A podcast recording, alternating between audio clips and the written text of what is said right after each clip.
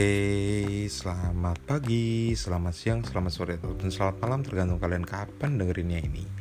Saya Niko Luman Gaul dari podcast Cangkem Pahit mengucapkan selamat uh, hari ini dan semangat pastinya setiap hari.